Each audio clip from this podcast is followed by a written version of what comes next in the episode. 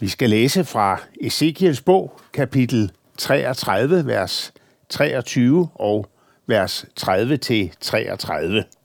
Og vi vil læse i Jesu navn. Herrens ord kom til mig. Du menneske, dine landsmænd sidder langs murene og i døråbningerne og taler om dig. De siger til hinanden, kom dog og hør det ord, der udgår fra Herren. Så stemmer de sammen hos dig, og mit folk sætter sig foran dig. De hører på dine ord, men de handler ikke efter dem. For de handler efter deres egne elskovsord. De jager efter vinding. For dem er du som en, der synger om elskov med dejlig stemme til smuk musik. De hører på dine ord, men de handler ikke efter dem. Når det kommer, og det vil komme, skal de forstå, at der er kommet en profet iblandt dem. Amen. Lad os bede. Herre, vi beder dig om, at du må velsigne dit ord og give os, hvad vi trænger til. Amen. Israelitterne på Ezekiels tid, de havde en indstilling til Guds ord, som meget matcher, hvad moderne mennesker i dag tror på. Vi skal mærke, at Guds ord siger os noget, som matcher vores følelser, og det må ikke være noget autoritativt eller eksklusivt. Det er mere i retning af smuk som et stjerneskud. I Kambodja, hvor vi har arbejdet som missionærer, der gik folk op i karaoke. Og her, der fornemmer man, at det er mere stilen, når man vil forholde sig til, til Guds ord, mente israelitterne. Og situationen den var dårlig i Israel på Ezekiels tid, det er indrømmet, og folket var i eksil i Babylon, og Jerusalem var faldet. Så nu synes de, at tiden var inde til, at Gud han måtte stryge dem lidt med hårene. Når Ezekiel skriver, at Guds ord kom til ham, så er vi i en helt anden verden end elskovssange og karaoke. Salme 119, vers 89-91, taler om det på denne måde. I evighed, Herre, står dit ord fast i himlen. Din trofasthed varer i slægt efter slægt. Du grundfæstede jorden, så den stod fast. Dine bud består endnu i dag, for alle ting må tjene dig. Guds ord står urokkeligt fast i al evighed. Og Jesus han siger det samme i Matteus evangeliet kapitel 24, vers 35. Himmel og jord skal forgå, men mine ord skal aldrig forgå. Så når vi taler om Guds ord, så er vi i en helt anden liga end det, at hvad vi føler og tænker og passer til for at matche vores følelser. Guds ord taler med autoritet lige ind i det, som tidsånden finder krænkende eller upassende.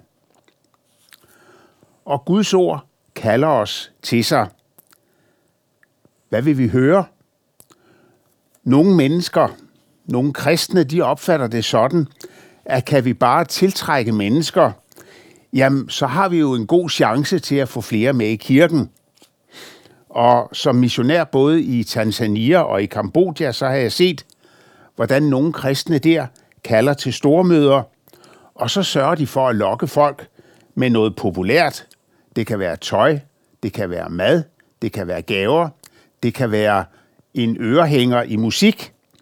Og når først folk de er samlet på en stor plads, og man hører de her i øjnefaldende sange, har en række gaver stillet frem på podiet, ja, så er det jo ikke svært at få folk til at række hånden op som en markering af, at de gerne vil være kristne.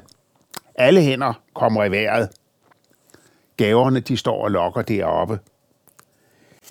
Kan vi give folk, hvad de kan lide, og få evangeliet til at lyde som elskovssangen, så er vi godt på vej, menes de. Og problemet bliver beskrevet i al korthed hos Ezekiel.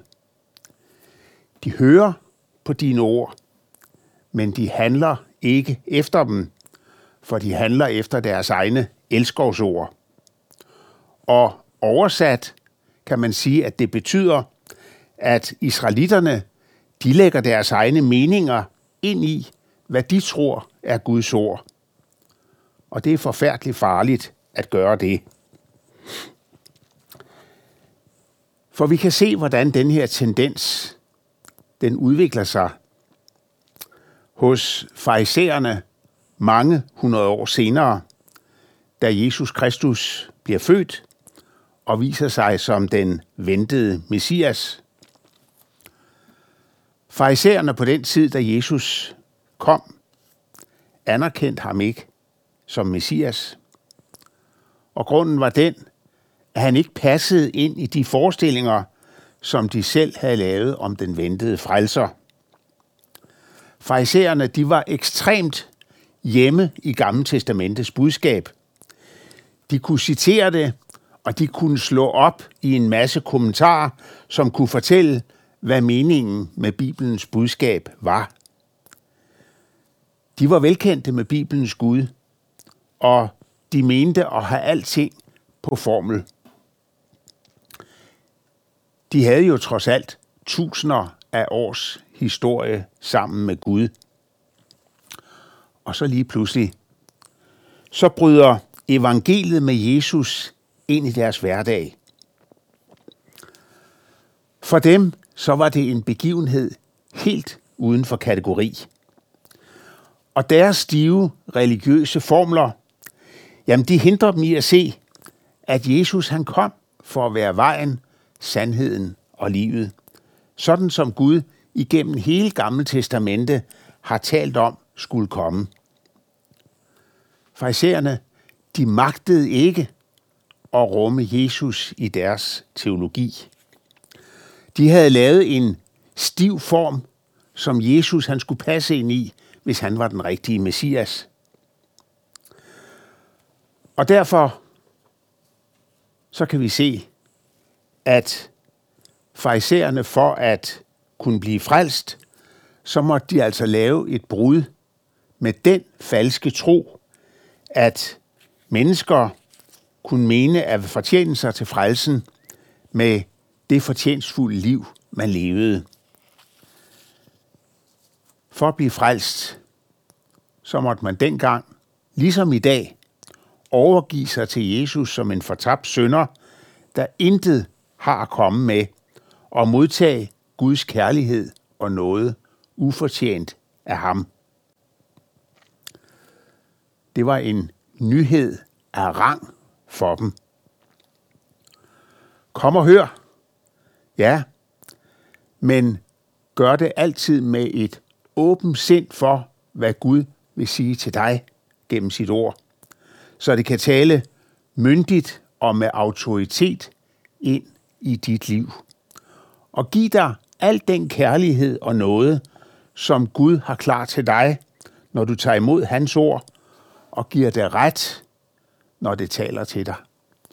Og vi må jo indrømme, vi mennesker, at det med at give Guds ord ret, når det peger på nogle ting, som er smertelige og vanskelige i vores liv, det er ikke så nemt. Men Guds ord vil gerne tale med dig også om de ubehagelige ting, som du ellers ikke bryder dig om at få trukket frem.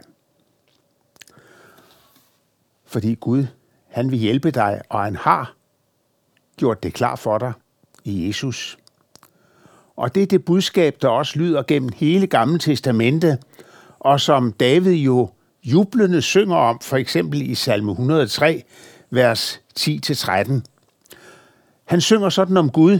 Han gengælder os ikke efter vores synder, og lønner os ikke efter vores skyld. Så høj som himlen er over jorden, så stor er hans nåde mod dem, der frygter ham. Så langt som øst ligger fra vest, så langt har han fjernet vores synder fra os. Som en far er barmhjertig mod sine børn, er Herren barmhjertig mod dem, der frygter ham. Og i salme 119, vers 94, så siger salmisten, dig hører jeg til, frels mig.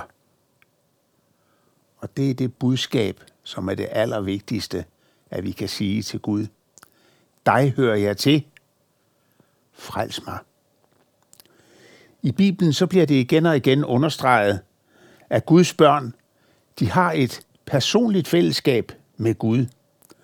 Og det var det fællesskab, der blev brudt ved syndefaldet.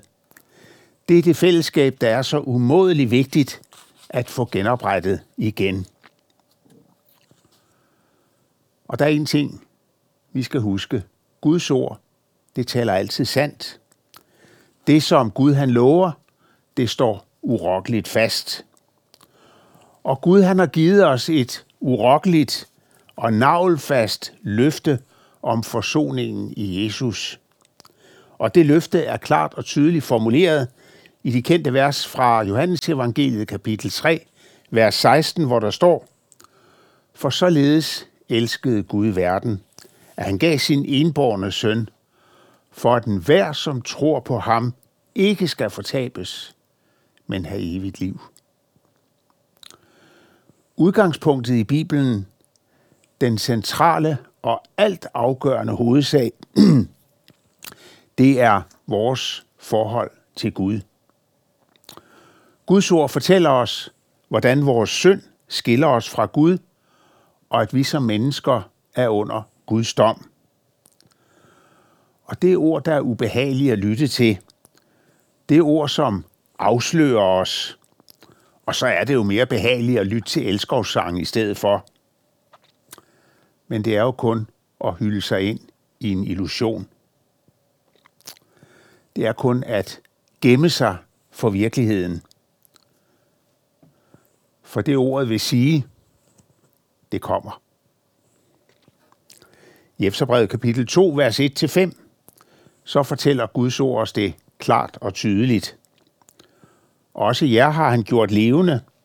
Jer, der var døde i jeres overtrædelser og synder, som I før vandrede i, da I lod jer bestemme af denne verdens tidsalder, og af ham, som hersker over luftens rige, den ånd, der stadig virker i ulydighedens børn.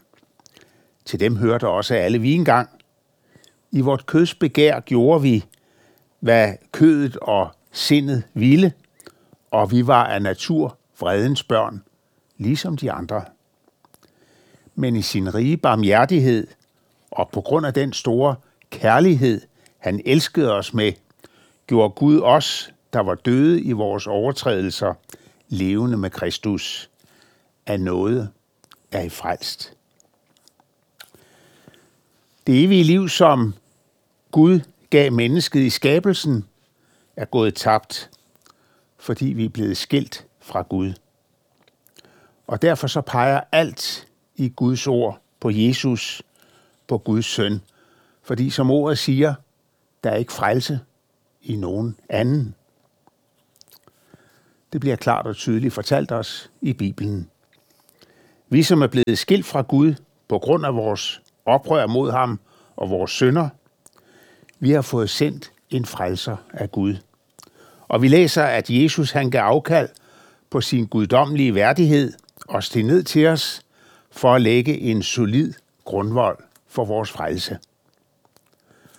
Og netop de ord, de var meget, meget vigtige for os i arbejdet i Tanzania. For i begyndelsen af 1990'erne, så fik vi kontakt med Masai-folket i Sydtanzania. Og det var et folk, som var hadet og frygtet af de almindelige tanzanianere på grund af deres levevis og aggressive holdning over for andre. Man anså dem for at være modbydelige og tyvagtige, men de fik lov at møde Guds kærlighed i Jesus. Og Guds urokkelige løfte, det blev noget helt særligt for dem. Og en af grundene, tror jeg, det var, at Masajerne, de har ingen som helst forestilling om Gud, der lever sammen med det skabte. På Masai-sproget, der har man ikke et ord, som på en ægte måde kan udtrykke den bibelske betydning af ordet skabelse, og de har ikke nogen egentlig fremtidsform i deres sprog, fordi de opfatter jorden som kaotisk og uden retning og fremtid.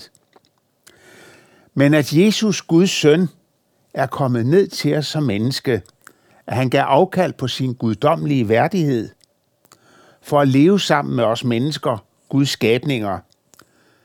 Det var det, der gjorde hans sonoffer på Golgata troværdigt for Masai-folket. Og så husker jeg, at vi fik hjælp af Masai-evangelister fra Kenya, og de kom hele den lange vej på ladet af en lastbil, og jeg husker en af Masai-evangelisterne, som besøgte os. Det var den gamle Jakob. Han besøgte os tre gange i løbet af fire år. Han var mere end 80 år gammel, da han kom første gang, men han var alligevel ikke bange for at tage den mere end 1000 kilometer lange tur herned fra omegnen af Nairobi på ladet af lastvognen og at bo på samme lad en måned ude i Masai-landsbyerne i den del af Tanzania, hvor vi arbejdede for at evangelisere. Og gamle Jakob, han var virkelig et aktiv i vores arbejde, og der blev lyttet, når han prædikede evangeliet. Kom og se, var hans hovedbudskab. Masajan, de havde en forestilling om, at Gud han var forsvundet, og man havde i hundredvis af år prøvet at tilbede de skabte ting, dyr, mennesker, bjerge, sten, træer, men forgæves, uden resultat. Men budskabet om Guds søn, som blandt andet gamle Jakob prædikede om, Jesus, som er kommet ned til sin skabning og skaffet os forsoningen, på Masai-sproget hedder det Osotua, forsoning med Gud, fordi Gud i sin kærlighed har sendt ham til os. Ja, det budskab om forsoningen i Jesus, som kom ned til os og gav afkald på sin guddomsværdighed, det var som en bombe ind i Masai-forståelsen af tilværelsen. Og så kommer jo, når man skal prædike evangeliet i sådan en anden kontekst, så kommer alle spørgsmålene om relevans, og får vi forkyndt ordet på den rigtige måde. Hvordan skal vi fortælle evangeliet om Jesus Kristus, så det forstås, men samtidig ikke ændres? Og det er en problematik, jeg kender til, både fra Masai-sproget, men altså også fra Kambodja, hvor vi har arbejdet, at ordene, de kan have en anden mening, end det, man egentlig gerne vil udtrykke. Man skal være meget omhyggelig med at forstå de ord, som man skal give videre, når man skal prædike de bibelske nøgleord, for eksempel for masajerne. Nøgleord som skabelse, noget, udødelighed. Det er et spørgsmål, som vi aldrig bliver færdige med, og som vi hele tiden må hjælpe hinanden med at udtrykke på en måde, så vores budskab ikke misforstås i den sammenhæng, det prædikes ind i, uden at vi taber dets kostelige indhold.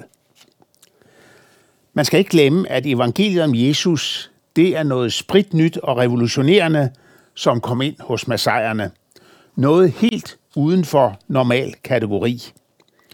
Og den enkle fortælling om Jesus, som åbenbarer Guds nåde til frelse for os ved at komme ned på jorden og leve og dø sammen med os mennesker – det slår igennem hos mennesker, som hører det som noget nyt. Her er en levende sandhed, som står i stærk kontrast til alle andre religioner. Her er der noget, vi kan forstå. Her er der noget levende, vi kan møde. De ord, der har jeg hørt rigtig mange gange hos nye kristne. Evangeliet om Jesus, som uforbeholden kan frelse en Masai, også dem, der er mest morderiske og modbydelige, det er noget, der er helt unikt. Kom og se, som gamle Jakob sagde. Dine sønder er fjernet hos Jesus af noget alene, så langt som Østen er fra Vesten. Og masajerne og den måde, de modtog evangeliet på, det har mindet mig om det fantastiske i, at Gud han er kommet ned til sin skabning for at leve og dø sammen med os. at give sit liv, for at vi kan få forsoning med Gud. Hele skabningen har Gud som sin skaber, og det er ham, der har lavet reglerne for, hvordan vores verden den fungerer. Og menneskets tendens til at tilbede skabningen eller de skabte ting, som om de kunne give os lykke og evigt liv, ja, det er jo et fatalt vildspor. Og det var i særlig grad det, som massajerne de indså. For Gud, han er trofast, og hans ord, det er troværdigt. Og det er det ord, som skabte verden. Det er det ord, som skaber orden i verden, og det er det ord, der kan lede dit liv og føre dig hele vejen hjem til Gud, når du tror hans løfte. Og så en personlig ting. Jeg har engang for mange år siden haft pilotcertifikat, og en af de grundlæggende lektioner var, at kom man ind i en sky eller tåge, som forhindrede piloten i at se horisonten, ja, så måtte man ikke stole på sine egne instinkter eller følelser. De var fuldstændig upålidelige i den situation. Inde i skyen eller i togen, der måtte man stole på sine instrumenter, som præcist viste flyets position i forhold til horisonten, og om vingerne de var vandrette. Og så måtte man lære at stole på de her instrumenter, selvom alle ens instinkter de skriger noget andet. Man mærker, man er på vej ind i et dyk, eller man har vingerne hængende helt skævt. Kig på instrumenterne, så kan du se, hvordan din situation er. Og på samme måde er det for den kristne. Der er Guds ord vores primære vejviser eller instrument. For vores følelser, de kan alt, alt for nemt lede os på afveje. Men Guds ord fortæller os om sandheden. Og så er det vigtigt at sige ja til Gud, når han peger på det, som gør det vanskeligt for dig at leve. Hele verden kan ændre sig, og tidsånden vil have os til at følge nye veje. Men Guds faste ord, som altid er det samme, det viser os vores sande situation, selvom alt andet synes at være kommet ud af kontrol. Lad os bede sammen. Herre, tak for din nåde og barmhjertighed til os. Tak, at dit ord, det er fast, og det viser os vores sande situation. Herre, vores følelser og instinkter, de kan skrige noget andet, men dit ord viser os klart og tydeligt, hvor vi er på vej hen. Herre, hjælp os til at give dig ret, når du taler til os i dit ord. Amen. Og så vil vi stille os ind under Herrens velsignelse. Herren velsigne dig og bevare dig. Herren lade sit ansigt lyse over dig og være dig nådig. Herren løfte sit ansigt mod dig og give dig fred. Amen.